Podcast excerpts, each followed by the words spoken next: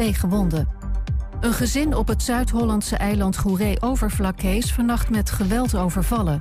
Ze werden rond drie uur wakker van lawaai en zagen drie mannen in hun huis. Zowel de vader als de moeder kreeg klappen en raakte licht gewond.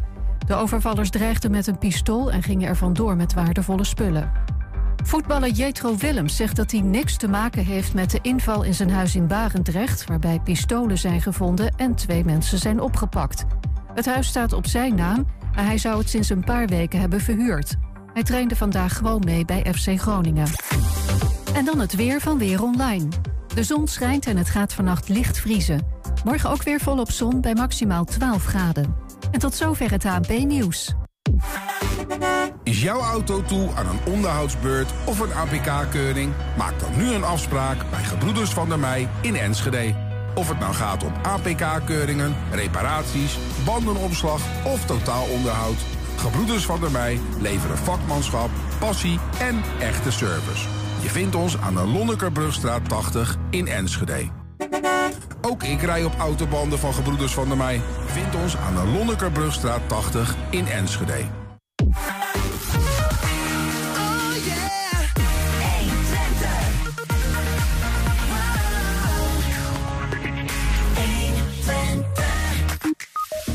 De installatie van een nieuwe wethouder, een wijkverkeersplan, het samenvoegen van sportcomplexen. Het was een bommetje vol programma voor de Raad in Enschede. En collega Wilco praat ons bij. Bij het woord kinderarmoede denken we al gauw aan het niet kunnen geven van verjaardagsfeestjes. Maar kinderarmoede is meer. Ook jongeren leven in armoede. We praten erover met Humanitas Onderdak, die zich zorgen maakt. Gisteravond was de uitreiking van de Willem Wilmingprijs voor beste kinderlied 2023 in het muziekcentrum in Enschede. Vier gelukkigen gingen met een prijs er vandoor tijdens de feestelijke en muzikale ceremonie. En het Twente Airport heeft sinds zondag een nieuwe havenmeester. Met zijn 24 jaar is Laurens Esveld ook meteen de jongste van Nederland. Het is dinsdag 4 april. Dit is 120 vandaag. 120. 120 vandaag. De installatie van een nieuwe wethouder, een eh, wijkverkeersplan, het samenvoegen van sportcomplexen. De agenda van de raadsvergadering in Enschede stond gisteren weer eens bomvol met onderwerpen. Dus is het tijd eh, voor een terugblik met collega Wilco Lauwers. Wilco, welkom dat je er bent. Ja, mooi, daar zijn we weer. Ja. ja. Ja, nou, kun je wel zeggen. Hè? We proberen iedere keer natuurlijk als er een raadsvergadering of als er een commissievergadering is waarin iets bijzonders is besproken eh, te, te praten. Um, gisteren, uh, nou ja, bomvol programma hoeft al niet altijd te betekenen dat het ook spannend is. Nee, zeker niet. En in heel veel gevallen is het dan uh, wat minder spannend. Juist, juist op het moment als er niet zo'n volle agenda is, dan gebeuren er nog wel eens gekke dingen. Maar nee, gisteren een volle agenda, goed geluimd, ging ik naar het stadhuis. Uh, rond 7 uur. En uh, daar trof ik uh, toch een schouwspel aan. al voor de vergadering. We zien het hier. Oh ja. ja, wat, wat handtekeningen uitgedeeld. Een volle, vol ei van Co voor het stadhuis. Ja, ja Frans Sellemaker die daar zijn handen in, in de lucht houdt. Zeg maar, die iets aan het uitleggen is. En Rolf Bleker, de burgemeester, die hem aanhoort. Ja, er was, waren handtekeningen, zo'n 750 uit de wijk Wallof-Roesing voor het wijkverkeersplan. Hè? Ja, ja, ja, want Frans Zeilemaker, die je noemt, die ja. zat hier vorige week nog aan tafel om uit te leggen dat zij tegen het, uh, het sluipverkeer, zoals zij het vinden in ieder geval, het verkeer dat door hun wijk gaat is. Klopt, klopt. Ja, ja nou, dit, uh, dit borden ze, dat is gebruikelijk dat je dat soort dingen voor een raadsvergadering, uh, dat je die aanbiedt. mag wel wat vaker wat mij betreft, want daar zit ook eens wat, wat publiek op de tribune. Ja, ja, precies. Want zij wilden nog last minute, want eh, een raadsvergadering, daar vallen natuurlijk de besluiten. Hè, daar gaat de gemeenteraad stemmen over allerlei uh, voorstellen. Um, daar, zij wilden nog last minute even proberen het tijd te keren. In ieder geval hun ongenoegen over het huidige plan, waarin het sluipverkeer te weinig wordt aangepakt, te uiten. Ja, ja daar hebben ze natuurlijk uh, ook inspraakmogelijkheden gehad in de commissievergadering. Nou, dat is een, nou, daar komen we straks nog wel over. Participatietraject met de buurt is er geweest. Mm. Um, maar ja, zo'n raadsvergadering is natuurlijk nog het laatste moment dat je nog even van je kunt laten horen. Ik weet niet of het in de stemming veel zin heeft, uh, nee. normaal gesproken, maar goed. Goed, straks meer over dat, uh, dat wijkverkeersplan, hoe dat precies dan in die raadzaal uiteindelijk uh, ging. Maar er is een ander bijzonder moment geweest, met zekerheid ook gisteren, namelijk de installatie van een nieuwe wethouder. Ja, dat klopt. Um, Harm-Jan Vedder van ChristenUnie. Ja. Die volgt natuurlijk Jurgen van Hout op. Die is inmiddels uh, wethouder, of uh, wat zeg ik, uh, burgemeester geworden in Rijsselholte. een nieuwe uitdaging. Nou, betekent dat zijn eh, positie in het college weer opgevuld moet worden. Mhm. En daar is Harmjan verder eh, voor aangedragen. Dat is gewoon een, een ceremonie dan of zo. Hoe moet ik dat voor me zien?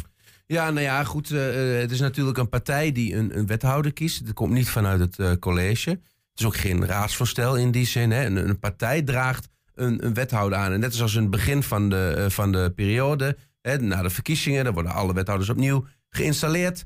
Nou, daar krijgen, eh, gaan de briefjes rond in de gemeenteraad. En daarin, nou, dat wordt nog wel eens anders gedaan. Maar ik heb me laten vertellen dat Enschede een van de weinige gemeenten is die het doet zoals het moet. Tenminste, zegt de raadsgriffier eh eh, Rolf Jongendijk. Ehm, dat is namelijk dat je gewoon een leeg brie- brie- briefje krijgt waar je naam op moet zetten. De naam van Harmjan Verder bijvoorbeeld. Maar je mag ook een andere naam eh, erop zetten. Dus er- niet een ja of nee of eh, dergelijke. Er maar- wordt altijd gestemd over eh, de, de, wat Ja. nou geschikte wethouder is. Ja. Er wordt er iemand voorgedragen en dan wordt uiteindelijk door de gemeenteraad de gemeenteraad bepaalt uiteindelijk of die wethouder ook eh, ja. de, de, de zegening krijgt. Ja, gisteravond ging dat als volgt. Met gepaste trots en dankbaarheid mag ik u namens de fractie van de ChristenUnie... onze kandidaat Harmjan verder voorstellen... in de vacature die is ontstaan door het vertrek van wethouder Jurgen van Hout. Vorig jaar stond eh, de ChristenUnie hier en waren ze gehuld in het wit. Omdat het college wat toen werd aangesteld alleen maar mannen bevatte en geen vrouwen. En nu, opnieuw voorzitter, nu voor de tweede keer op rij... hadden ze het anders kunnen doen. Hadden ze gewoon een vrouw er neer kunnen zetten. Niet dat ons dat wat uitmaakt. Wij willen de beste kandidaat op de, op de juiste plek. Alleen, voorzitter, het is toch wel hypocriet van de ChristenUnie... om dus nu opnieuw een man te kandideren. Nee, ik vind dat niet hypocriet, want ook toen heb ik aangegeven... wat onze houding daarin is. Ja, en wij zouden ook graag inderdaad een college zien... waar je ook die diversiteit in terugvindt. Maar wat ook belangrijk is... ehm, wij hebben dit proces gedaan en we hebben een uitgebreid selectieproces gehad hierbij... waarbij we gekeken hebben naar de inhoud. Wie is de beste wethouder voor deze functie? Wie is de beste persoon op deze plek? Zeker niet van de ChristenUnie als een partij... die op heel veel fronten juist heel veel vrouwen heeft. We hebben op diverse plekken... kijk hier even naar onze eigen raad, onze fractievoorzitter... mijn heel erg gewaardeerde collega Hadassa Meijer... is politiek leider van de ChristenUnie Enschede. Nu en in de toekomst. Daar is geen twijfel over. Wij denken dat u een goede kandidaat voordraagt. En uw betoog is duidelijk. Wij zitten alleen in een situatie in een land waar eh, mannen vaak meer ervaring hebben... en misschien ook wel op andere momenten een streepje voor hebben... omdat nu eenmaal het systeem is ingericht... eh, eh, dat op dit moment heel veel mannen gewoon eerder voorgedragen worden. Wanneer komt het moment, als dit namelijk niet het juiste moment is... wanneer komt het moment dat we dat kunnen gaan veranderen? Want daar worstelen wij mee. Ehm zijn wij natuurlijk als Enschede gezegend met een ChristenUnie... die veel kwaliteit voortbrengt, al jaren. Ehm, en ook veel ervaring heeft in haar huidige raadsleden. En daardoor heeft het ons wel wat eh, verrast dat deze uitkomst eh, er is. We hebben met elkaar afgesproken. Wij gaan een zorgvuldig, niet heel groot, maar wel een zorgvuldig proces opstarten... waarbij we een profielschets maken. Ehm, die profielschets die gaf niet aan van het moet een vrouw zijn, het moet een man zijn... Ehm, het moet uit de huidige fractie komen. Als je dat zou gaan doen, dan zou je geen recht doen aan het proces. Want dan zou je bij voorbaat al aangeven van... Joh, iedereen mag solliciteren, maar bij voorbaat is alleen deze kandidaat... eh, die, die, zeg maar, die, die wordt geaccepteerd. Er zijn 38 stemmen ingeleverd. Er zijn 38 stemmen geldig verklaard. Er is één stem uitgebracht op Gert Kel. Er zijn 16 stemmen uitgebracht op Hadassa Meijer. En met meerderheid van stemmen 21 stemmen voor Harmjan Verder. Herhaalt u na mij. Zo waarlijk helpt mij God almachtig. Dank u wel. Dan ga ik u feliciteren. Ja, Wilco. We zien hier dus een, een raad die in dit geval uit 38 raadsleden bestaat. Er is er één, was er niet. In D66 eh, was er niet. Eh, waarvan eh, 21 eh, stemmen voor de nieuwe wethouder. En maar liefst eh, 16. ze- 16. Dus eh, op Hadassa Meijer en eentje op Gert Kel. in ieder geval de- 17 ja. niet, niet, niet voor. Ja. Ehm, en, en 16 op Hadassa Meijer. Wat, wat zegt dat? Nou ja, kijk, normaal gesproken ehm, begin je als wethouder met zo'n stemming als dit natuurlijk al met een behoorlijke achterstand zou je zeggen. Hè? Als je maar 21 van de 38, nou ja, anders waren het eh, waren mogelijk wel 21 van de 39 geweest. Hm. Ehm, als je al met 21 van de 38 stemmen wordt gekozen, dan begin je eigenlijk niet heel lekker met volle steun aan zo'n eh, periode.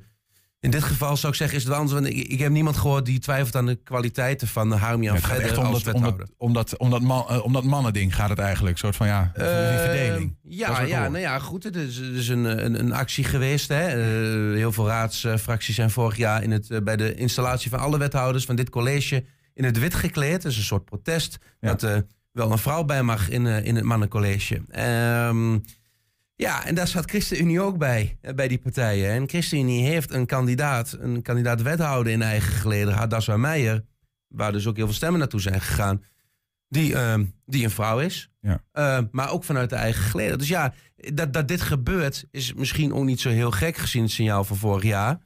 Ehm, eh, en, en dus, dus eh, zie je wel dat er heel veel steun is voor Hadassa. Ja, de daad bij het woord voegen in Ja. dit opzicht. Echt, echt was stemmen. natuurlijk ook kandidaat, wat? Wat was er gebeurd als... Ja, precies. Want Hadassa ha- wilde graag. Hè, heeft ze Ja. nooit een uh, Ja. geheim van gemaakt. Wat was er nou gebeurd als Hadassa eh, de meeste stemmen had gekregen? Ja, dat, dat was, daar was het interessant geworden. Of ja, voor, voor mij heb het Arie Slop, maar die zat ook in de zaal. Dus eh, de oude, hè, eh, Hamia verder was de persoonlijke assistent van Arie Slop, de oud-minister. Ehm, nee, dat had ook zomaar gekund. Hè? Of eh, mensen hadden ook op Niels Veuring kunnen, eh, kunnen stemmen. Dat is echt zo. Oh, echt? Ja. Je, je kunt... Oké. Ja. Nou ja. Ja, dus als- Eh, Dus in ja, dit geval anders. met, met Hadassa, of je laten we jou nemen, Niels Veurink, als, een- als eh, 21 mensen dat hadden gezegd, Ja. dan was jij of Hadassa was benoemd geweest als wethouder. Wat een hele rare situatie is. Maar goed, die gaat ervan uit dat de coalitiepartijen in dit geval... en dat is een meerderheid die daar zit... dat die in ieder geval ehm, op Harmian verder stemmen. Lijkt mij ja, dat toch. was, dat was vroeger en eh, was dat altijd zo eigenlijk. Hè? Je hoefde maar iemand aan te dragen en de hele gemeenteraad ging daar eigenlijk, in ieder geval de, de coalitie, ging daar eh, blind in mee. Maar je ziet Ja. dat de tijden veranderen, dat er eh, andere eisen worden gesteld. Dat kun je terecht vinden of onterecht. Hè? Mhm. Bedoel, je iemand op zijn kwaliteit of kijk je ook naar of het een man of een vrouw is. Nou, met een college met alleen maar mannen kun je ook zeggen van er past wel een vrouw bij. Maar moet het een apart uitgangspunt zijn. Wat dit wel laat zien is dat heel veel raadsleden een probleem misschien wel hebben met dit proces.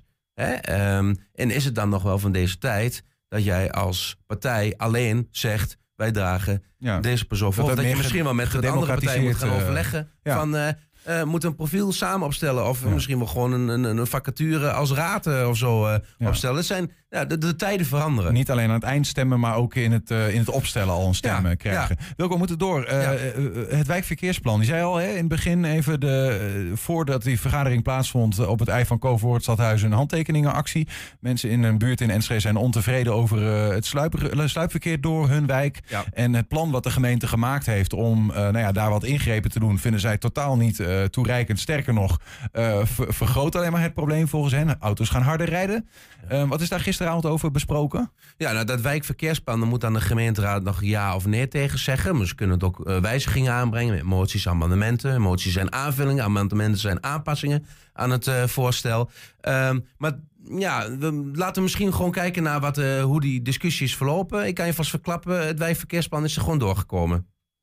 Er zijn op dit moment twee, drie momenten van de dag dat de wijk vol zit met verkeersbewegingen.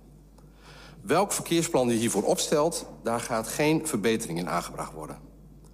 Zeker dit plan niet, omdat daar simpelweg geen opdracht voor gegeven is. De buurt wacht al jaren op een oplossing. Maar dit plan biedt geen oplossing. Het zorgt op verschillende straten juist voor meer in plaats van minder sluipverkeer door de wijk. In het plan wordt de fietsveiligheid verbeterd ten opzichte van de huidige situatie... en dat is wat ons betreft een trapper in de goede richting. Dit plan draagt er dus aan bij om het fietsgebruik te stimuleren... en leidt tot de ontwikkeling en verbetering van veilige fietsroutes... naar scholen en sportverenigingen. Dat is iets waar wij als PvdA heel blij mee zijn. Wanneer gaat dit college de daad bij het woord voegen... en eindelijk serieus luisteren naar haar inwoners? Dit onderzoek duurt nu al vele jaren... en er zijn ongetwijfeld inwoners bij betrokken... die zich kunnen vinden in het voorliggende raadsvoorstel. Maar helaas rammelt het participatieproces aan alle kanten. De belangrijkste drie redenen om tegen te stemmen zijn voor ons participatie, participatie en participatie. Er ligt nu een kans om samen met honderden inwoners een plan te maken... waarbij participatie meer is dan alleen je mening geven over een plan. De wethouder zei in Stadsdeelcommissie Noord dat dit raadsvoorstel een goed plan is... omdat er zoveel meningen zijn gegeven. Maar participatie is meer dan alleen het, het geven van een mening. De reacties waren vooral negatief. Het is dus bizar om dat als positief argument te gebruiken... voor zowel dit wijkverkeersplan als de participatievoortgangsrapportage.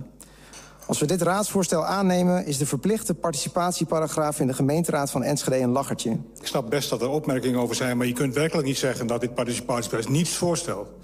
Ook als daar ook in het proces zelf meer dan 200 inwoners aan mee hebben gewerkt. In verschillende vormen. Kun je niet zeggen dat het alleen maar achteraf is.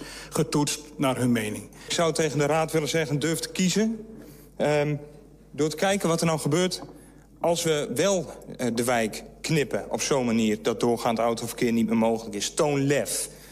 Um, en stop met moties voor de bühne.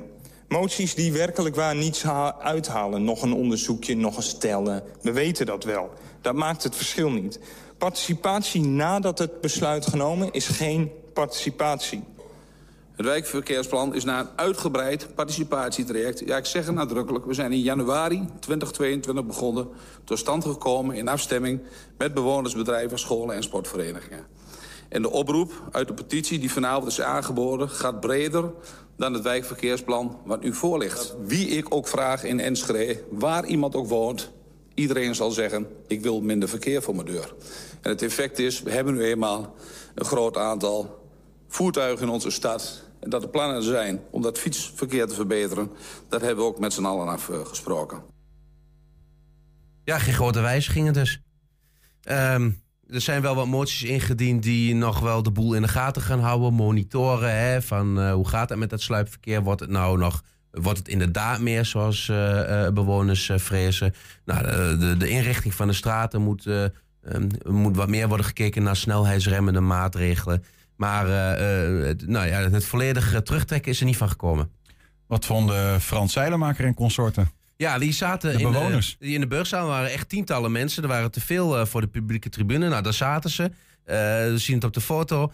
Ehm, ja, daar werd met, met boegeroep en, en gejuich werden de, de... Normaal gesproken kan het niet in een raadsvergadering. Zal de burgemeester wat voor zeggen. Maar ze zaten in de burgerzaal op een heel apart... Maar je kon het op de achtergrond kon je dat horen. Ja, um, ja en het boeggroep was, of het gejuich was vooral bij uh, de inbreng bijvoorbeeld van, uh, we zagen Erik Kemp van Volt, die meer op die participatie hamerde. En hij heeft daar mm. natuurlijk wel ergens een punt. Het is natuurlijk een beetje raar. Uh, dat wijkverkeersplan is, dus gekomen. En vanaf het begin af aan is gezegd, we kijken niet naar het sluipverkeer. Maar daar kunnen we niks aan doen. Of nou ja, dat willen we eigenlijk niet. Hè? Want dan zou je misschien moeten denken aan een noek. De, die ontsluitingsweg aan de noordkant. En of de singles verbreden of weet ik veel. Dat is allemaal dure dingen en, en moeilijke dingen. Maar ja, dat is wel het grootste probleem van de buurt. Dus waar ga je die participatie dan uh, voor doen? Um, je kunt misschien beter gewoon zeggen, we gaan het op onze manier doen. En uh, ja. je mag er nog wat van vinden, maar... Uh, Geen uh, surrogaat ja, participatie, dat voelt dan zo, een beetje zo. zo. zo lastig, ja. ja, ja. Um, we hebben in de aankondiging nog iets genoemd over de, over de sportklussen ja, oh, ja, in Enschede. Daar moeten we tot slot misschien nog even ja, iets nee, over die sportklussen hebben we al heel veel over gesproken. Het samenvoegen van voetbalvelden, dat kan nu doorgaan. Bijvoorbeeld in Enschede Zuid bij Victoria. Die kan weer verder gaan praten met Aramea. Misschien wel met Surioi, die aan de andere kant van de straat zit... om daar één voetbaltempel van te maken. Nou, ik heb ook al de naam van Achilles Enschede gehoord in dat verband. En uh, de rugbyclub ERC die gaat van de Hoslindelaan, zeg maar Hosmaanpark gaan ze naar Diekman Oosten. Nou, waren wat problemen met hun uh, clubgebouw. Dat is te klein, vooral de, de kleedkamers. Nou, daar heeft de gemeenteraad gisteren um, 130.000 euro extra voor ter beschikking gesteld, zodat dat probleem is opgelost. Dus ja. nou ja, het komt in feite op neer, die sportclustering kan verder. Er is nog geen gelopen uh, koers. Uh, er komt iets minder dwang op vanuit de gemeente. Um, maar het, de gesprekken lopen al, dus dat gaat. Uh, ja. ja. En ik moet nog even corrigeren. Ja, als jij, uh, dat ging net over de wethouders. Ja. Als jij uh, de meeste stemmen krijgt, word jij benoemd. Maar je moet het nog wel aanvaarden, uiteraard. Het is niet zo dat je dan ook moet gaan doen. Oh. Je mag weigeren. Nou, jammer, soms nee, is het leuk als anderen gewoon iets opleggen, toch? Niels, je wordt vanaf vandaag wethouder ja. van Enschede. En je moet. Ja, ja, Veel plezier, let's go. Er zijn wel goede wachtgeldregelingen, dus ja. ik zal het overwegen en ook bij deze aan de Raad van Enschede. Ik ben er. Uh, Wilco, dankjewel ja. en uh, tot de volgende. Bij het woord kinderarmoede denken we al gauw aan het niet kunnen geven van verjaardagsfeestjes. Maar kinderarmoede is meer. Ook jongeren leven in armoede. Humanitas Onderdak maakt zich zorgen over deze groep. Straks praten we met hen. 120. 120 vandaag. Gisteravond was de uitreiking van de Willem Wilming-prijs voor beste kinderlied 2023 in een muziekcentrum in Enschede.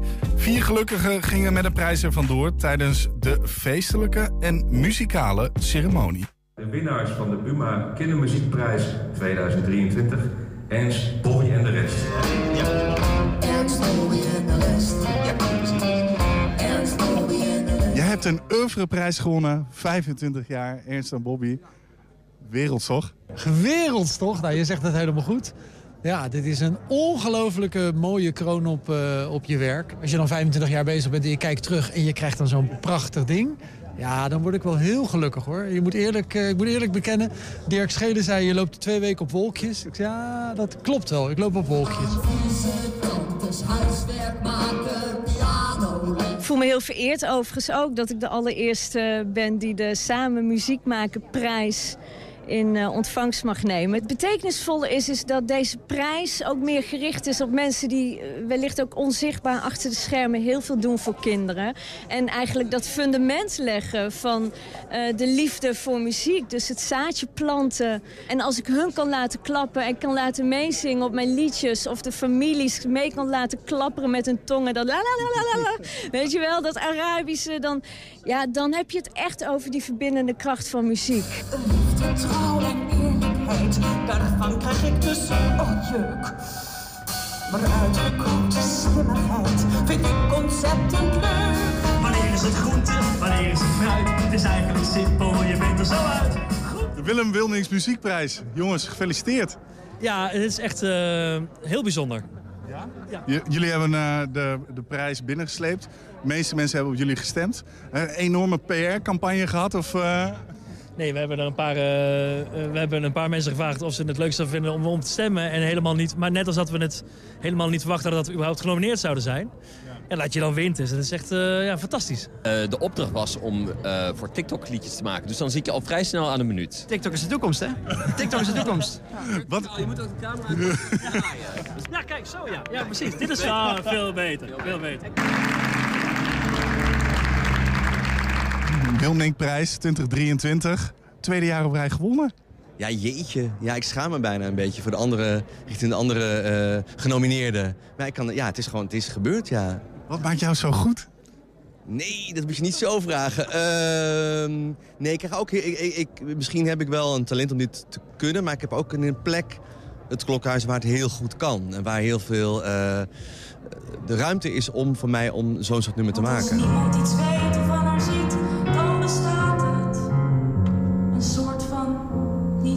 Ja, we mogen um, het, uh, het kindermuziekweeklied gaan schrijven. Dat is op zichzelf al een soort lied. Jullie uh, zijn uh, qua muziek van carnavalsnummers nu naar kindermuziek gegaan. Hoe, hoe hebben jullie dat zo gedaan? Ja, carnavalsliedjes maken we al een tijdje. Um, en, en, en ja, kinderliedjes is toch iets anders. Maar de NTR heeft ons uh, gevraagd om voor TikTok van Zep dit te maken. Dus dat moest inderdaad kort zijn. Ik, ik denk dat ik probeer te bedenken hoe het, voor, zo, voor, hoe het voor een kind moet zijn om het mee te maken. Dus wat weet je op dat moment van de wereld? Of hoe kijk je naar de wereld? Um, dat is, dat is een kwestie van, denk ik, me verplaatsen in hoe dat ongeveer moet zijn. En met heel veel mensen praten die er mee te maken hebben gehad. Nou, ik wist, dit kan niet, dit moet door een actrice worden gezongen. Want je kan het niet... Um, het moet niet te mooi zijn, als je snapt wat ik bedoel. Het moet niet te klaar zijn. Iemand moet, is nog tijdens het performen aan het aftasten van hoe zit het nou precies. En ik had Marie mee net zo'n beetje leren kennen. En ik dacht, uh, zij is ook niet zo bekend. Ze was net van school, eigenlijk net van de toneelschool Arnhem. Uh, en dacht, zij moet het gaan doen. Volgend jaar? Uh, wat gaan we dan verwachten? Ja, ik weet het niet. Ik durf bijna niet meer insturen. Maar Geert Cornelissen zei, doe maar wel. Uh, ja, ik, ja, ik ga gewoon maar weer insturen en kijken. Maar nogmaals, het komt door de omstandigheden dat, ik, dat, dat de liedjes zo uh, goed kunnen worden als ze nu zijn.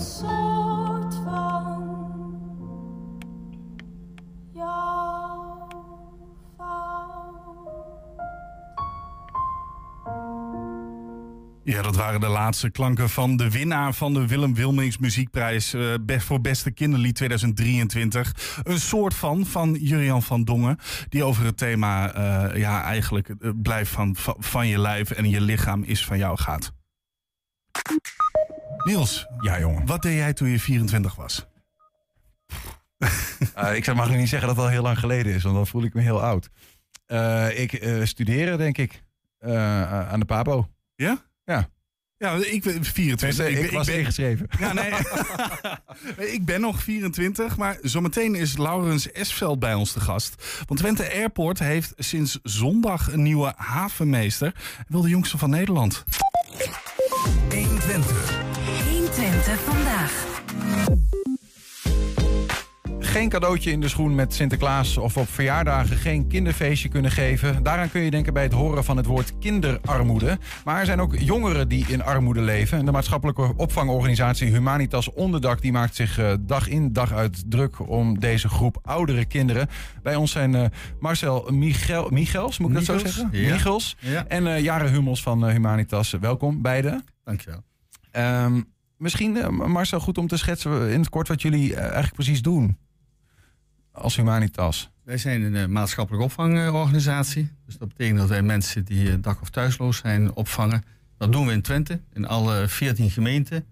En eh, dat is de centrumgemeente Enschede en de centrumgemeente Almelo. En dan de regiogemeentes daarin. En eh, we hebben verschillende voorzieningen in de stad, waar, in de steden waar de mensen wonen, 24 uur verblijven, echte maatschappelijke opvang. Ja. We geven ambulante begeleiding bij mensen in de thuissituatie. Eh, we hebben dagbestedingsprojecten en we hebben inloop, waar de mensen die dak- en thuisloos zijn ook terecht kunnen. Die eh, daar een kopje koffie kunnen drinken, kleding kunnen wassen. Ambulante eh, hulp, bij wat voor mensen kom je dan thuis? Want die mensen hebben blijkbaar een dak boven hun hoofd. Ja, ja, die mensen wonen gewoon zelfstandig. Kan ook zijn dat ze het nog bij ons huren. Maar dan, na verloop van tijd wordt dat dan omgezet naar hun eigen woning. En dat zijn eh, mensen vanaf eh, 18 jaar en ouder die gewoon zelfstandig wonen. Maar wel in een kwetsbare situatie Ja, zitten. altijd natuurlijk in een kwetsbare situatie of in een kwetsbare situatie geweest. Ja. Dus bijvoorbeeld bij ons eh, verbleven zijn en vanuit ons met ontslag zijn gegaan. Mhm. Dat zou kunnen. En dat, eh, ja, dat, dat is wat we doen in eh, alle 14 gemeentes. Ja, vanaf 18 jaar hoor ik je ook zeggen. Nou, Mhm. nou, nou is er ehm, eh, op, op dit moment, eigenlijk as we speak, is er een opening van een expositie, tentoonstelling in de Hengeloze Bibliotheek. En daar, de, de wethouder doet dat daar. En dat gaat over echt kinderarmoede. Jullie zitten hier om te zeggen van ja, wacht even, er is ook nog een, een groep oudere kinderen. waar jullie je wel om bekommeren, die daarin, nou ja, misschien wel vergeten worden over het algemeen? Het is denk dubbel op. Het is, eh, we hebben natuurlijk eh, cliënten vanaf 18 tot 21, maar jongeren kun je ook tot 23. Hè, daar is nou wel wat discussie over. Eh, maar er zijn natuurlijk ook bij ons cliënten die kinderen hebben. Mhm. En die kunnen natuurlijk ook in een hele kwetsbare situatie zitten. Ook in een thuissituatie die financieel zeer breekbaar is. En, Ja. als wij met elkaar de, de acties voorbereiden, met name de donaties, dan richten we ons ook allebei. Zowel de kinderen van de cliënten als onze eigen jongeren. Ja, ja, precies. En dat, maar dat, die kinderen van de cliënten, dat gaat dan ook nog jonger dan 18 Ja, in dit ja, geval. ja, ja, dat zijn de gewone eh, kinderen, ja. Alle leeftijden Alle komen dan wat dat betreft ja, voorbij. Inderdaad, Ehm, tot 18, ja. De, de, de jongeren, zeg maar, ehm, die wel bij jullie onder jullie hoede zijn, Mhm. daar hebben jullie ook een video mee gemaakt. Ehm, Ja, dan misschien is het nog goed even eh, om te zeggen dat wij dus verschillende voorzieningen voor jongeren hebben. Ja. We hebben in Oldenzaal een trainingshuis. Dat zijn jongeren die voor het eerst zelfstandig wonen, daar begeleiding in krijgen. We hebben Kameraad, dat zit in de drie, de drie grote steden. Dat zijn jongeren die eh, binnen het ROC eh, studeren of gelijkwaardige opleiding. Ja. Maar die door een moeilijke thuissituatie eh, eigenlijk dreigen af te haken in de opleiding. Dus wat wij dan preventief doen, is dat zij bij ons komen wonen. Mhm. Wij geven lichte woonbegeleiding en zij krijgen extra studiebegeleiding om toch hun eh, startkwalificaties te halen. ja, dus op verschillende vlakken proberen jullie jongeren te helpen waar ze het nodig hebben. Ja. Komen we zo verder over te spreken, over die onderdelen. Misschien goed om Mhm. even een stukje van die video te zien waarin de jongeren zelf eh, aan het woord komen. Ik ben Isabel, ik ben eh, 19 jaar. Ik ben Twan en ik ben 19 jaar.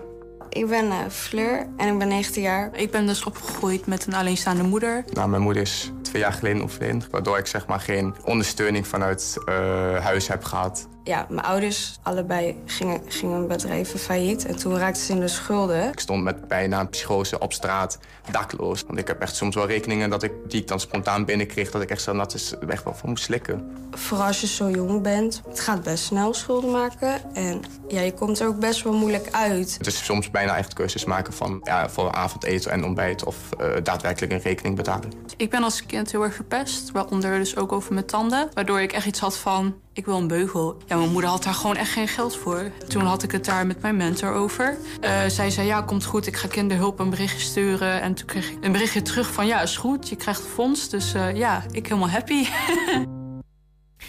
Jara, dit zijn eh, tieners uit onze regio die in principe de leeftijd hebben dat wij als land zouden zeggen: hè, jullie zijn nu oud genoeg om voor jezelf te zorgen, maar dat in hun geval gewoon eigenlijk vaak niet gaat. We zien daar eigenlijk een aantal, we voelen die redenen wel een beetje, maar kun je eens uitleggen wat met wat voor jongeren hebben jullie te maken? Ja, eigenlijk zijn dat hele gewone jongeren. Marcel zei het net al, we hebben jongeren die eh, ook gewoon naar het ROC hier in Twente gaan, die een opleiding volgen, maar die thuis gewoon niet zo heel makkelijk hebben. Ehm, en er ook niet, soms niet al te veel ondersteuning eh, onder, eh, of voor, voor krijgen.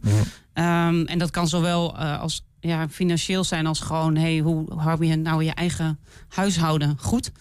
Ehm, en daar zien we dat, eh, dat die jongeren, eh, ja, gewoon, ze komen gewoon geld tekort. Simpel. Je kan, eh, we hebben berekeningen gemaakt, daar gaan we het vast zo nog wel even over hebben. Maar ehm, hoe goed jij ook op je geld let, Hm. tot je 21ste kan je eigenlijk niet eh, zelfstandig wonen zonder elke maand een heel groot deel tekort te komen. Ja, ja. De, maar de- en dit gaat, dat is dan zo omdat die jongeren zelf al uit een thuissituatie komen waarin armoede is. Dus die hebben ook geen vangnet vanuit familie of wat dan ook. Dat is. Nee, dat klopt. Dus zolang eh, er geen familie is die de jongeren kan ondersteunen, komen ze gewoon weg niet rond. Ja. Of gemeenten die ondersteunen, dat kan natuurlijk ook. Hè. Maar eh, op eigen kracht kan, kan je als jongere eh, eigenlijk niet rondkomen. Ja. Nee. Eh, eh, Want eh, ja, toch even daar dan over door. Want hoe gaat dat voor deze jongeren dan? Want jullie kunnen. Of leggen jullie als Humanitas allerlei geld bij? je? Dus de potjes een keer op, denk ik. Ja, nee, kijk, jongeren kunnen bij ons eh, tegen. Als we het hebben over die, deze jongeren uit, uit deze beelden, die huren bij ons een kamer. Dat onder de normale marktprijs al is. Mhm. En dat komt omdat het voor een deel gesubsidieerd ook wordt door, geme- door de gemeente. Ja. Hier in de regio. Dus je, eh, van allerlei kanten wordt er al bijgelegd om, die, om de woonlast al zo laag mogelijk te hebben. Nou, en, en de meeste jongeren hebben natuurlijk wel een duo. ehm, eh, ja, krijgen een, krijgen een duo. Ehm, nou, dat is een basisbeurs. Dus, eh, Een uitkering vanuit de overheid voor ja, een onderwijs. studiebeurs. is Studie- juist, juist. Ja, die. excuus, ja. Ja, en en, en dat, is, eh, dat is een basisbedrag. Dat is niet zo heel veel. Je, moet daar, je kan een aanvullende eh, bijdrage doen. Of, Mhm. of aanvragen. Eh, die moet wel toegekend worden. Ja. Dan moeten in ons geval heel vaak de jongeren bewijzen dat hun ouders niet in staat zijn om ze te- financieel te ondersteunen. Dus dat is best wel een lang traject, ingewikkeld traject. Daar kijken we eigenlijk eigenlijk wel altijd mee. En heel vaak moeten ze eigenlijk ook nog lenen. En dat is ook wel een dingetje. Want eigenlijk wil je niet, zeker deze jongeren, hè, die zijn opgegroeid in, in een gezin waar vaak armoede was, waar schulden zijn. Die willen eigenlijk helemaal geen schulden zelf. En toch worden ze eigenlijk in deze situatie gedwongen om een lening aan te gaan bij het duo. En dat is natuurlijk niet de slechtste lening in je leven, maar eigenlijk voelt dat natuurlijk niet fijn. Nee. Eh, eh, Marcel, even een uh, klein uitstapje. Maar ik hoor die jongeren hier vrij openlijk uh, praten over hun uh, problematiek. De, terwijl we horen ook wel eens van ja, armoede, ik kan me zo heel goed voorstellen. Dat is taboe, schaamte. Dat is het um, ook. Ik moet wel zeggen dat deze twee jongeren die komen bij ons vandaan. Ze hebben bij ons gewoond. En daar hebben we echt naar moeten zoeken. En dat is ook logisch, want los van het feit waar het om gaat, weet je ook dat je op internet komt staan. Dus iedereen kan straks kan het zien. En nou, jullie hebben het ook gevonden, althans, uh, dat, uh, dat neem ik aan. Um, dus er is wel heel veel schade. Maar deze jongeren ja. die hebben dat bewust gedaan, omdat we dat in samenwerking hebben gedaan met kinderhulp. En kinderhulp heeft deze jongen ook echt, dat hoorde je ook in de voorbeelden, geholpen. geholpen. Ja. En zij wilden heel graag hun verhaal kwijt om andere jongeren te vertellen nou, dat er mogelijk toch hulp is. Mhm. Mm -hmm. Maar ook, en dat is de andere kant, om uh, kinderhulp toch ook te, een beetje reclame te geven, zodat zij uh, don donateurs krijgt of bedrijven die hun steunen. Ja. En zij zijn heel erg geholpen met, met, deze, met deze financiële bijdrage. Um, ik, ik, hoor Jara net zeggen, hè, jullie geven als Humanitas Onderdak uh, niet per se allemaal financiële bijdragen, maar kunnen wel helpen om bijvoorbeeld kamers uh, te verhuren aan die jongeren die gewoon uh, betaalbaar voor hen zijn met het budget wat ze hebben. Um, dat is een van de dingen, maar je zei net ook al een trainingshuis in Oldenzaal. Ja. En dat, dat, is een plek waar jongeren leren hoe werkt het nou om op mezelf te wonen, begrijp ik? Ja, dat zijn jongeren die uh, of vanuit uh, zeg maar de jeugdhulp komen. Hè? Dus uh, jongeren die vanuit 18 naar de jeugdhulp komen, dan stopt de begeleiding. Dus dat is een hele moeilijke situatie waar ook heel veel landelijke discussie over is. Mhm. Mm -hmm. En nou, jongeren kunnen vanaf die leeftijd bij ons komen, maar ook vanuit andere situaties. Ze echt eh, woonbegeleiding krijgen. En om financieel te doen, zij krijgen dan eh, te maken met het aanvragen van, van een huursubsidie, huurtoeslag of met het invullen van belastingformulier. Maar ook met gesprekken met gemeenten. Of hoe ga je naar een opleiding? Waar ga je kijken? Maar is dat, is dat wat, wat ze dan ehm, minder, nou, wat deze doelgroep vaak minder goed heeft geleerd vanuit huis dan een andere doelgroep? Die, die wat meer vanuit het- eh, geld nou, heeft gekregen vanuit nou, huis? Dat kan, dat kan. Eh, kijk, eh, wat Jara net ook aangaf. eh, de meeste komen uit hele kwetsbare, breekbare gezinnen. Mhm. Er zijn ook jongeren die geen contact meer hebben met de thuissituatie, omdat dat te veel is gebeurd. Ja. Ehm, maar ook ja, uit gezinnen die te weinig ondersteuning kunnen bieden. En dan is er vaak wel problematiek. Hè. Bij ouders kan er problematiek zijn. Ja. En bij jongeren zelf kan dat natuurlijk ook. Eh, dat is in Oldenzaal. Eh, Zijn dat soort initiatieven verder in? eh, want die zijn volgens mij is het alleen in Oldenzaal. Ja, dat klopt. Het is ook een nieuw initiatief. Het is vorig jaar geopend. Ja. Dat is in samenwerking met de gemeente Enschede, Oldenzaal en dan met een aantal organisaties, waaronder wij. En wij beheren dan de panden. Mhm. Ik denk dat er een hele grote behoefte is, ook in de andere steden, om dat mogelijk op te starten. Ja. Dat is zeker. We zien dat nu ook. Het is nu, begint nu langzamerhand steeds meer jongeren de weg daar naartoe te vinden. Dus ja, die behoefte is er wel degelijk. Ja. Ja, ja. Eh, Jara, even terug naar jou, want je noemde net al even die financiën. Hè? Eh, ehm, jongeren kunnen eigenlijk zonder eh, hulp vanuit een eigen thuissituatie... en met goed fatsoen, met alle middelen die ze gegeven worden... Niet, eigenlijk niet rond, eh, rondkomen op die leeftijd. Nee, dat klopt. Ehm, eh, in Enschede, begrijp ik, is het eigenlijk de, de enige gemeente in Twente... die een aanvulling geeft op de bijzondere bijstand... zodat jongeren wel meer kunnen. Ja, dat klopt. Het is allemaal een beetje technisch, maar Ja. ehm, eh, het begon twee jaar geleden. Wij hadden natuurlijk altijd al het gevoel in de opvang... deze jongeren komen niet rond. Ze hebben schulden, ze krijgen schulden. eh, ze ontkomen ook niet meer aan schulden. Ook al eh, helpen wij ze. Ja, het leven is gewoon duurder dan dat ze een inkomen hebben. En toen dachten we, ja, hoe krijg je daar nou de vinger op? En de Nibud heeft toen een onderzoek gedaan naar heel veel huishoudens in Enschede. En daarin zat ook die groep van 18 jaar die zelfstandig woont. En toen kregen we letterlijk de cijfers helder. En dan bleek, eh, als, als je dus niet de aanvulling doet zoals Enschede die doet... dat jongeren ongeveer 650 euro per maand tekort komen. dus dat is per maand. Ja, dat- Daar kan je dus niks aan veranderen zelf. Ja. Eh, want wat wij natuurlijk ook best wel vaak horen in discussies... ja, dan, eh, dan moeten ze maar gaan werken. Maar het mooie van het Nibud-onderzoek was... dat ze er ook naast hebben gezet... wat nou als een 18-jarige fulltime gaat werken? Ja, Ja. Dan krijgt hij een minimumloon.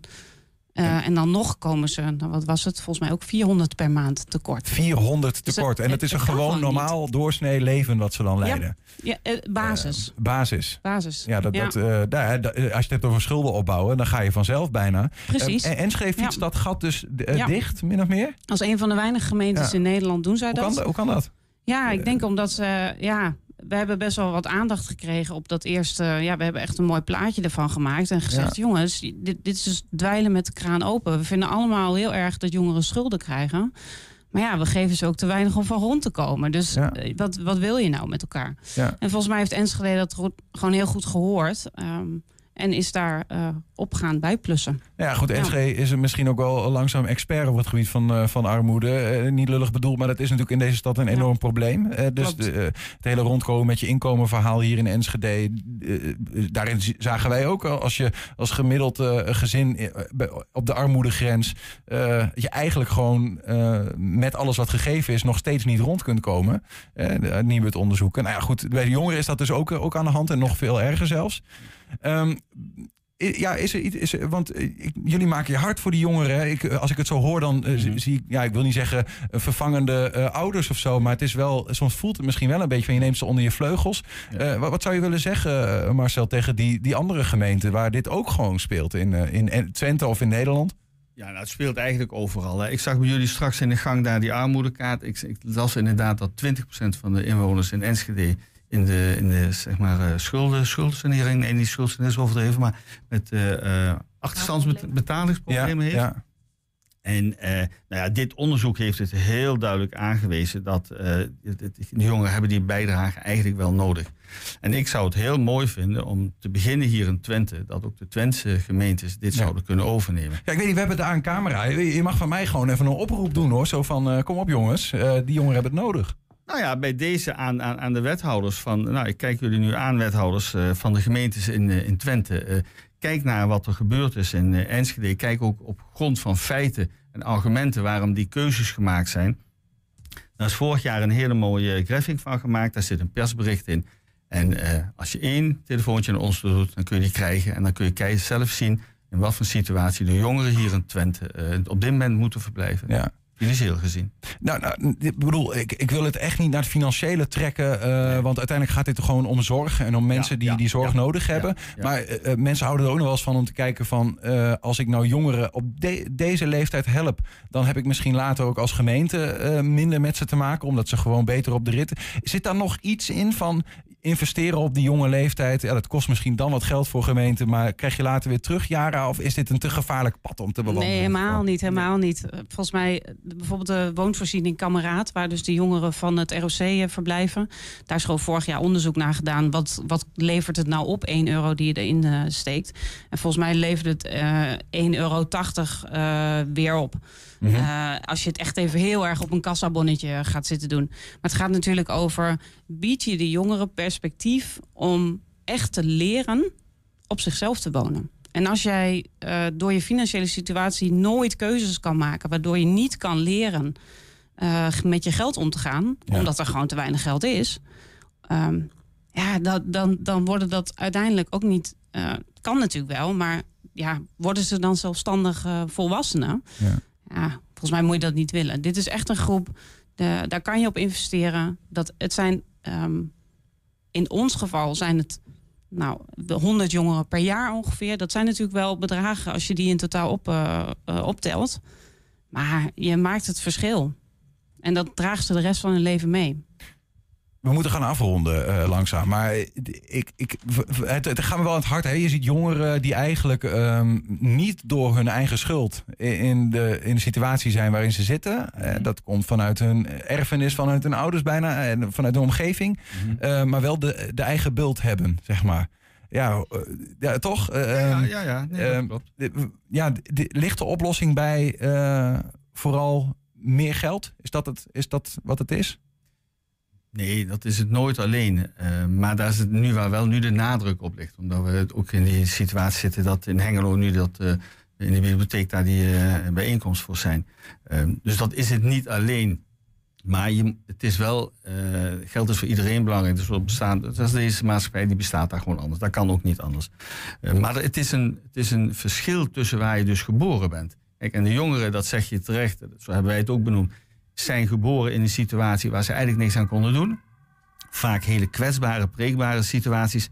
En als je dan ook nog in de verkeerde gemeente woont, wat in Twente dus één geheel is, en daar zit dan zo'n verschil in, want het gaat om een eh, bijdrage van 560 euro. Die Enschede extra Ja. doet. Ja, ja. En dat is toch heel veel geld. Ja, ja. Waardoor je je, je je start kunt maken. En, dat is denk ik hier van belang, en dat geldt ook voor het concept van kameraad, je kunt het bijna zien als preventie. Wat je net ook zei. Juist. Wil je die goede start maken, dan heb je die ondersteuning nodig. En dan voorkom je ook op na de hand eh, meer kosten. Ja, uh, dank je wel voor, die, nou ja, voor dat signaal in ieder geval hier aan tafel. Het is goed om te noemen, in de Hengeloze Bibliotheek is de hele maand april nog een interactieve expositie te zien. Dus over kinderarmoede en de impact daarvan. Op dinsdag 25 april houdt Wilco van Dijk, dat is een hoogleraar in de psychologie, in de bibliotheek een college over zijn onderzoek naar armoede-stress. Eh, Marcel Michels en uh, Jare Hummels van Humanitas Onderdak, dank en succes eh, met jullie werk. Graag gedaan. Graag Dankjewel. gedaan. In Almelo is het deze week de week van de digitale veiligheid. Op het Marktplein staat vandaag en morgen een grote truck van de politie... waar inwoners terecht kunnen met al hun vragen over cybercrime. De truck wordt druk bezocht. Moet ik het wel goed doen. Crime. Want iedereen kan slachtoffer worden. Eh, want het is namelijk zo belangrijk dat u de telefoon goed beveiligt, maar ook eh, goed in de gaten houdt dat u op allerlei, niet op allerlei linkjes gaat drukken. Want voordat u het weet zijn de criminelen bezig om uw eh, bankrekening leeg te drukken. Ja, we staan hier vandaag met het uh, media lab in het uh, centrum van uh, Almelo. En eigenlijk willen wij daarbij voorlichting geven aan de burgers over verschillende aspecten. Dus je kunt uh, bij ons aan de tafels folders krijgen over criminaliteit of babbeltrucs. Ehm, net heb ik een eh, school gehad hier. Daar heb ik binnen een uh, voorlichting gegeven over uh, nou ja, sexting en de gevaren daarvan. En nou, wat jongeren daarmee kunnen doen. Ehm, maar ook zo kun je binnen allerlei andere quizjes doen. Ehm, eigenlijk is het, het, hoofddoel van vandaag is voorlichting geven en met mensen daarover in gesprek gaan. dus iedereen is ook vrij om te komen. En ik nodig ook iedereen uit om met het mooie weer hier te komen. En ja, met ons in gesprek te gaan. Helaas uh, komt het dagelijks naar voren dat mensen digitaal worden opgelicht. En dan, uh, ja, dan is het te laat. En dan krijg je heel veel emoties waar dan mensen in de problemen kunnen raken. En wij proberen met deze voorlichtingstruc samen met de wijkagenten in gesprek gaan met de burgers om ze bewust te maken. En dan delen wij allerlei foldertjes uit om als ze vragen hebben, vraag het gewoon en dan uh, kunnen de mensen ja, hun computer beveiligen of hun telefoon. Ik ben onder andere als wijkagent gekoppeld aan het uh, voortgezet onderwijs. Um, en voor mij is het bijvoorbeeld belangrijk op het moment dat een mobiel medialab komt... Uh, nou, dat ik deze ook gebruik voor het voorlichting. Gisteren stonden we bijvoorbeeld op het Alma College, vorig jaar op het Zonnecollege. En daarin proberen we dan nou ja, eigenlijk de aspecten onder de jeugd te belichten waar wij de gevaren in zien. Uh, zoals dit het, op dit moment het snelle geld. Dat hebben we eigenlijk de hand gedaan van escape rooms die we opgezet hebben in school. En voorlichting over sexting in het mobiele media lab. Uiteenlopende vragen. Vragen over dat ze wel eens een berichtje krijgen van... hé pap, ik ben mijn telefoon kwijt. Nou, eh, dat is daar een gevaar natuurlijk. Want mensen die denken, oh dat is mijn zoon of dochter, die gaan erop reageren. En in de tussentijd hebben de mensen die fout willen de gegevens te pakken. En zo worden mensen via een omweg worden ze meegenomen van ik kom uw bankpasje ophalen. Terwijl er eigenlijk helemaal geen bank, mensen zijn net bankmedewerkers. Maar oudere mensen, ja, die dan eigenlijk het goed van vertrouwen, die trappen dan in. En dan is het kwaad geschied. Ja, denk vooral na en gebruik, zoals we het op z'n Twent zeggen, echt je boerenverstand. Voelt iets niet goed of lijkt iets te mooi om waar te zijn, dan is het ook vaak te mooi om waar te zijn. En uh, ja, er is altijd hulp te vinden op verschillende manieren. Ook bij de politie, vraag het de politie. Uh, je kunt chatten, je kunt DM'en. Uh, we zijn op veel verschillende manieren bereikbaar. Maak daar gebruik van. Maar loop ook gerust bij ons binnen in het bureau als je iets wilt weten. Ja, dat mobiele media lab in Almelo staat daar dus deze week. Zometeen hier de column van Robert van der Meulen. En we zijn ook als podcast luisteren via alle bekende platforms. Je vindt hele uitzendingen, kun je gewoon ongeveer een uur terugluisteren... Oh. aan prachtige materie wat wij hier uh, bespreken in het programma. Gepresenteerd door de allerbeste presentator nou, van Twente Nielsen. en je kan ook een item vinden in Uitgelicht. Dat is één item uitgelicht, iedere dag van de week. 120. 120 vandaag. Twente Airport heeft sinds zondag een nieuwe havenmeester. Jawel. En met zijn 24 jaar is Laurens Esveld ook uh, meteen de jongste van Nederland. Tijd om naar de kennis te maken. Laurens, goedemiddag. Ja, goedemiddag. Uh, bij havenmeester denken wij niet meteen aan een vliegveld, to be honest. Nee, nou dat klopt. Dat is gewoon een, uh, een term vanuit de wetgeving. Ja. Dus je zou ook luchthavenmeester kunnen zeggen. Maar goed, vanuit het, de regeling luchtvaart en dergelijke is het eigenlijk havenmeester. Ja. Wat is een havenmeester in dit geval dan? Uh, de havenmeester is verantwoordelijk voor de orde en veiligheid op het uh, luchthaventerrein. De orde en veiligheid op het luchthaventerrein. Ja. Uh, dan had jij zondag meteen een, een mooi klusje te pakken. Even, even wat beelden. Want deze jongen ehm, die landde zondag op vliegveld Twente, op Twente Airport. Ik heb dus een hele groep mensen te kijken op de Spottersheuvel naar wat daar aan gaat komen. Vertel eens, wat, wat landde daar zondag? Dat uh, was een Boeing 777 van uh, Virgin. Die uh, nou ja, zou eigenlijk al ergens eind vorig jaar komen. Maar door een aantal technische en administratieve problemen liep dat iedere keer uit. En nou ja, uiteindelijk is hij afgelopen zondag geland. Dus een hele opluchting voor het, het ombandelingsbedrijf ALS. Dat ja, precies. Want die halen, halen dat ding dan uit elkaar om nou ja, de specifieke onderdelen weer te verkopen. Want de vliegtuig zelf gaat niet meer vliegen, zeg maar. dat is het idee. het is de auto of wat dan ook. Ja. Uh, hoeveel vaak gebeurt dat daar op het vliegveld? Uh, nou ja, dit was nummer 21 voor uh, ALS. En, nou ja, Zijn het al heel wat jaren? Dat, dat klopt, sinds 2016. Ja. Heb jij een taak als havenmeester rondom zo'n komst van zo'n vliegtuig? Nou ja, goed, je stuurt natuurlijk je team aan. Dus je moet zorgen dat alles, alles veilig gebeurt. dat de procedures goed worden doorlopen die ervoor staan voor de aankomst van zo'n zo'n grote kist. Wat betekent dat in concrete zin? Wat, wat gebeurt er allemaal voordat zo'n kist eh, landt? Nou ja, goed, het begint natuurlijk met een aanvraag van zo'n eh, eh, maatschappij die zegt dat ze willen komen. Daarvoor wordt er dan de brandweer geregeld. Hè. Dus een redelijk groot vliegtuig, dus heb je ook aardig wat brandweer voor nodig. Die hebben we niet zelf in dienst. Voor het geval het misgaat. Ja, precies. Ja. Dus die worden, worden ingehuurd via een, een pool met brandweermensen die we hebben. En die komen dus op afroep. En nou ja, verder heb je een uh, towtruckchauffeur nodig. Die hebben we dan zelf in dienst. En eh, verder belangrijk eh, is natuurlijk een baaninspectie voor de tijd. En dan ook de, de 7,5 meter aan beide kanten van de baan. Die open vrij moeten zijn Ja, voor het eventuele uitwijken of wat ja, dan ook. precies. En ook gewoon op, op vod. Dus dingen die daar niet horen. Denk aan papiertjes, stukken plastic, hout, stenen. Ja. Dat, dat kan allemaal eh, eh, een cruciale rol krijgen in het hele verhaal, zeg Ja, maar. precies. Hè? Alles Ja. gaat om veiligheid binnen de luchtvaart. Dus eh, dat is heel belangrijk dat er geen, eh, geen dingen liggen die bijvoorbeeld in de motoren kunnen komen. Ja, nou kennen wij Twente Airport als een vliegveld dat inmiddels al eh, jaren geen eh, burgerluchtvaart meer eh, doet. De, de- dit soort jongens, hè, die 777 die we net zagen, nou, over het algemeen eh, landen die daar niet meer. Het zijn meer zakelijke vluchten, eh, kleinere vliegtuigen. Heb je dan eigenlijk wel een rol als eh, orde- en veiligheidsbewaker? Ja, zeker. Eh, ook binnen de kleine luchtvaart eh, is natuurlijk orde en veiligheid eh, heel erg belangrijk. Daarvoor, ja, dat staat allemaal beschreven in de wet en regelgeving. En wij hebben een heel luchthavenbedrijfshandboek, een calamiteitenplan, brandweer regelen we zelf. Dus ja, Ja. dat, dat is wel belangrijk. Is dat een, is dat een fulltime job? Dat is een fulltime job, ja zeker. We zijn in principe gewoon de hele week geopend. In de zomer nu van eh 8 tot 8. Hoeveel vliegtuigen landen er ongeveer op dagelijkse, wekelijkse basis? Nou ja, vorig jaar zaten we op eh 6300 vliegbewegingen. Ja. Dus dat is in vergelijking met misschien andere kleine 20 per dag? Ja, Zeg maar. ja zo ongeveer. Nou, behoorlijk nog wel wat nog, ja. ja, ja. Hoe word je eigenlijk een havenmeester van, van Vliegveld Twente? Want je bent 24, ik begrijp de jongste van Nederland. Dat klopt, ja. Eh, alleen Midden-Zeeland, die heeft nog eh, ook een hele jonge havenmeester. Die is net twee jaar ouder dan ik. Ehm, maar ja, hoe word je het? Eh, ik denk door gewoon goed je best te doen. En, eh, Waar je goed je best te doen? Nou ja, op het vliegveld zelf. Want jij werkte al eh, Ja. Twente Airport. Ja, ik werk sinds eh, 2019 werk ik al op. eh, Wat deed je dan? Eh, assistent havenmeester. en, eh, en de Aeronautical Station Operator. En dat is zeg maar degene die in, de, in onze mobiele toren zit. En die dus eh, de piloten in het vliegtuig voorzien van informatie. Dus bijvoorbeeld welke baan er in gebruik is. eh, windrichting, denk aan de luchtdruk. Is dat een soort luchtverkeersleider? Ja, zo zou je het kunnen zien. Het is wel een, een, light vorm, zeg maar. Hè. We, we, we leiden het verkeer niet, maar we geven alleen informatie. Ja, ja, ja.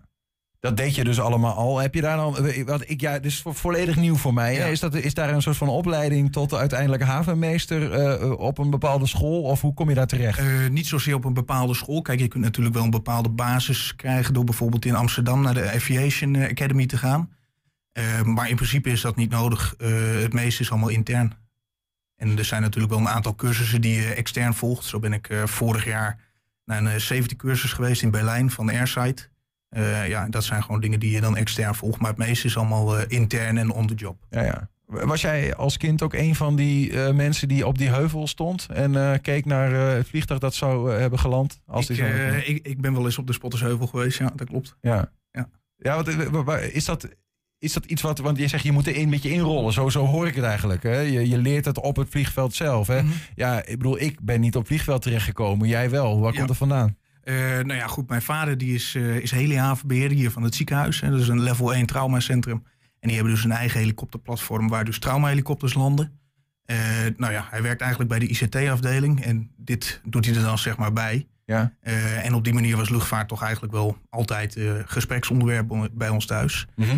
En ja, dan ga je toch een beetje om je heen kijken. En god, wat wil ik nou doen? Uiteindelijk wilde ik dan eh, graag eh, helikopterpiloot worden bij Defensie. Mhm. Nou, dat is niet gelukt, hè? strenge keuringen. Ja, daar moet je behoorlijk eh, wat voor doorlopen. Ja, ja. en uiteindelijk ja, kwam hier de functie bij, bij Twente Airport. En ik, Twente Airport vond ik altijd wel interessant. Hè? Het was natuurlijk lange tijd niet in gebruik. Maar goed, ik was altijd wel voorstander van weer een operationeel vliegveld. En dan niet zozeer als burgerluchthaven. Maar gewoon dat er weer gevlogen werd. En dat gebeurt nu weer. Ja, ja. Ja, goed. Ja, ze zijn er wel weer over aan het praten. Hè? Ja, dat is sommige mensen zeggen dat is een beetje voor de bühne. Anderen zeggen, nou, wie weet. Hè? Ja, maar, maar ja, goed, dat is, eh is maar dan zou, politiek. dan zou je taak een, een, een, een hoop veranderen, denk ik. Stel dat ze die, de- dat roer zouden omgooien en het zou toch weer burgerluchtvaart worden. Of, Voor een gedeelte, het wordt, het wordt wat uitgebreider natuurlijk. Ja. Je krijgt met andere wet en regelgeving te maken.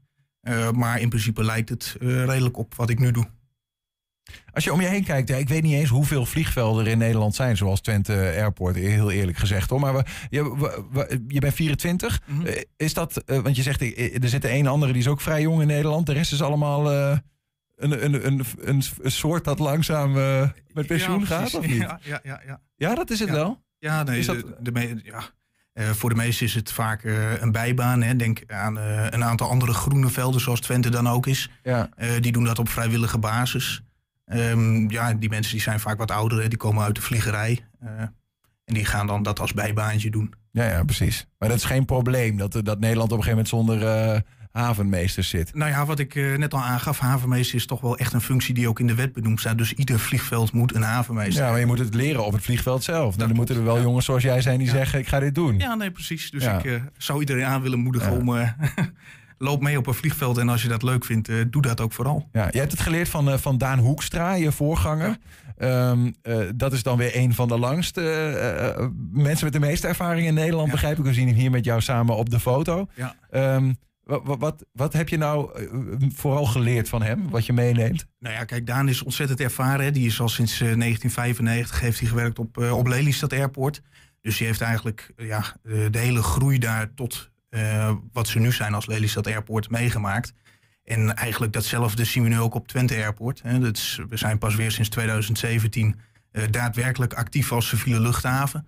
Dus ja, we staan eigenlijk nog in de kinderschoenen. En we zijn nog een beetje aan het ontdekken van... joh, waar, wat, ja, waar zit de business voor ons? Ja, ja. maar dat, daar denk je over mee. Want het is Ja, niet ja, alleen maar van nou, wat me gegeven wordt, daar moet ik de veiligheid en de orde van bewaken en that's it. Nee, nee goed. eh, een aantal speerpunten zijn nu bijvoorbeeld de testluchthaven. De, de luchtvaart is eh, in transitie. We gaan naar het eh, elektrisch vliegen, vliegen op waterstof. En wij hebben met ons, onze 2400 meter aan start- en landingsbaan... hebben wij toch wel een mooi stukje ruimte... waarin we dat eh, kunnen faciliteren. Alle testen die moeten gebeuren. Ja, en de havenmeester is daar, eh, is daar ook over eh meepratend. Ja, ja, zeker. Wat moet er gebeuren om... Ja, inderdaad vanuit dat operationele aspect en Juist. orde en veiligheid. Ja. Ehm, eh, tot slot dan misschien voor, voor jezelf, eh, Laurens. Eh, is dit iets waarvan je zegt van nou ja, dit, ik zit hier nog wel. ja, ja, je bent net begonnen, hè, dat wil ik niet zeggen. Maar heb jij een soort van droom als havenmeester? Moet je ooit Schiphol eh Nee, domineren? nou ja, nee, zover heb ik daar nog niet over nagedacht. Ik ga nu eerst dit doen en dat doe ik de komende paar jaren wel. En dan, dan kijken we wel weer verder. Ja. Ja. Veel plezier met, met je, met je nieuwe baan daar als havenmeester van. Twente Airport. Laurens Esveld, dankjewel. Heb je een tip voor de redactie? Mail het dan eventjes naar info.120.nl 120. 120 vandaag. En dan is het alweer tijd voor, eh, ja, voor de traditionele afsluiting van de dinsdag. Want... Je weet nooit wat je krijgt, hè? Ja, Robert van der Meulen Ja, krijg je. in dit geval wel, ja. ja, eh, Ja, of het is Ton Ouwehand die heel erg goed vermomd is. Dat kan Ja, ook. dat kan. De vermomming zit hem in de, in de column dit keer. Oh, Ja. oh wat een cliffhanger. De ver- vermomming zit in de column. Is het- een lied geworden? Eh, eh, Ro- Ro- Robert zal vast de, de Willem Wilmingprijs voor beste kinderlied van 2023. eh, eh, de 24. inzending, inzending van volgend jaar alvast willen Ja, Willem precies, ja, ja, ja, inzingen. ja. Ja, we gaan, het, we gaan het horen. Robert van der Meulen is eh, bij ons. En eh, nou ja, de vermomming van de dag komt eraan. Ehm, Pakt hem er nog even ja, bij. bij z'n- ik even pakken, ja, zo. To be or not to be. Ik was er al bang voor. Vorige week, een dag na het overlijden van Wim de Bie, las Ton Ouwehand op deze stoel voor deze microfoon een prachtige column over de grote man en zijn jazzmuziek. En ik was mij al begonnen met de mijne. Even overwoog ik een ander onderwerp te kiezen, maar ik heb mijn column toch ook maar afgemaakt. Dan laat ik de jazz er gewoon uit. Er blijft, gewoon, er, blijft genoeg over. Kan Wim de Bie wel hebben, zo dacht ik mij. Komt-ie. Bij de dood van een jeugdheld rouwen mensen van een zekere leeftijd niet zozeer om de gestorven persoon. Die kennen ze tenslotte helemaal niet. Maar vooral om hun eigen verloren jeugd, vertelde een stamtafelvriend in het bolwerk mij afgelopen vrijdagmiddag. Ik gaf hem gelijk. Sterker, bij het afscheid van de jeugdheld rouwen veel oudere jongeren om hun verloren toekomst. Denk daar maar eens over na, vulde ik lachend aan. We waren het aangenaam saamhorig eens, hoewel dat laatste ook wel weer een gevolg zou kunnen zijn van de genuttigde vrijdagmiddag trippelkarmelietjes. ik ging naar de wc. Niet zozeer om te plassen, maar om het dialoogje snel even in te spreken op mijn telefoon, opdat het mij maar niet ontschieten zou, want ik vond ons saamhorig inzicht getuigen van een doorvrochte, diepe wijsheid. Wim de Bie was ook zo'n jeugdheld. Een hele grote zelfs. Letterlijk en figuurlijk. Ik plaats hem zonder schroom hoog in mijn lijstje van grootste schrijfmanieren. Als je in staat bent om onze taal in nog een half uur eh, televisie op zondagavond dusdanig te verrijken met woorden en uitdrukkingen, dat deze maandagochtend om acht uur al op de werkvloer, van kantoor tot fabriek, gemeengoed zijn, dan doe je iets bijzonders. Toen het bericht van de Bies verscheiden vorige week keihard rondzong, klonk er hier dan ook een hartgrondig Godver de Godver. Een paar minuten bijkomen, daarna voornemen om er iets over te schrijven. Van die dingen dus, omdat de Bies zo cruciaal voor mij en mijn generatie is geweest. Ik ga terug naar 1973. Ik ben in die tijd nog te jong om te begrijpen wat die beide grappige meneren met hun alpino-petjes en mattenkloppen nou precies bedoelen. Maar ze fascineren me meteen. Ik lachte met mijn grote broer en zus mee. Ik was voorbestemd om fan te worden. Wim de Bie heeft mij samen met Kees van Koten voor het eerste deel van mijn leven ontsloten van een wereld waar ik naar op zoek was. Maar die ik moeilijk kon vinden in de Enschedese volkswijk waar ik opgroeide. Hun zondagavonden waren een wekelijks houvast en een verlangen naar meer. Het is ruim negen jaar geleden dat Kees van Koten bij boekhandel Broekhuis de gast was. Van Koten presenteerde zijn jongste boek.